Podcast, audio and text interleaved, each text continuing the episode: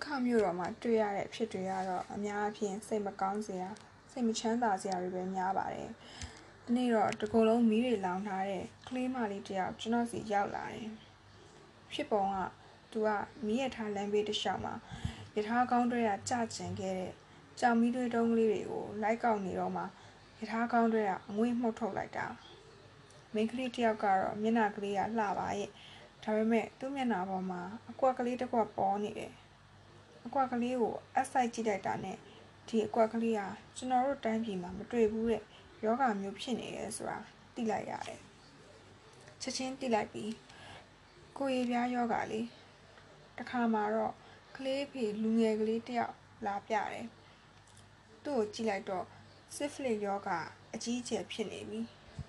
ဒါနဲ့ကျွန်တော်လက်ထောက်အာတန်သူဘန်ဒိုနာကတဆင့်သူ့ကိုရှင်းပြရတယ် သူ့ယောဂဟာသူ့ဇနီးနဲ့ကလေးအတွက်အများကြီးဒုက္ခရောက်နိုင်တယ်လို့နောက်ကလေးမိတယောက်ကတော့ကျွန်တော်စီကိုအသက်မရှိတော့တဲ့အသားထုတ်ကလေးတစ်ထုပ်ယူလာတယ်လေကလေးကိုကြည့်လိုက်တော့စုံစိုးနာကြောင့်ဆုံးသွားတာ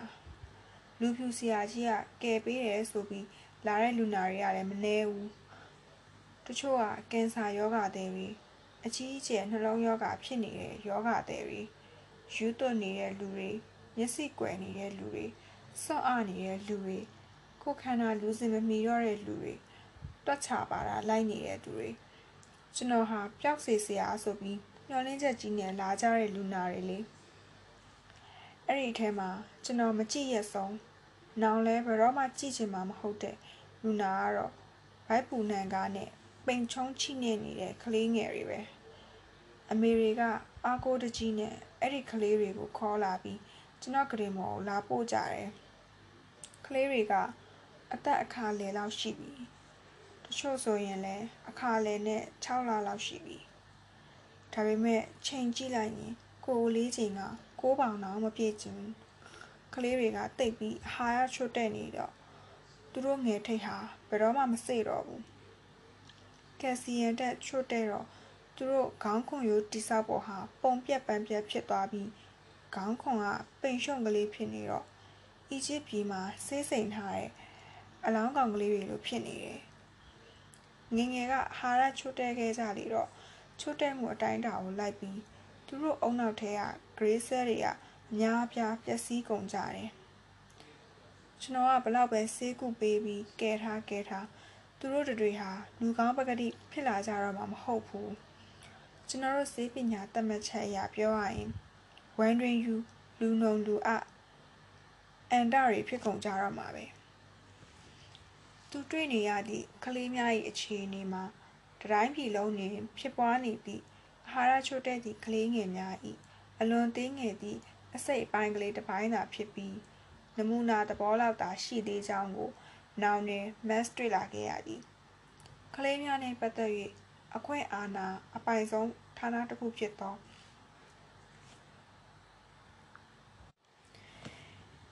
အိန္ဒိယပြည်အာဟာရတပ်ဖွံ့ဖြိုးရေးဌာနညွှန်ကြားရေးမှူး၏အဆိုအရ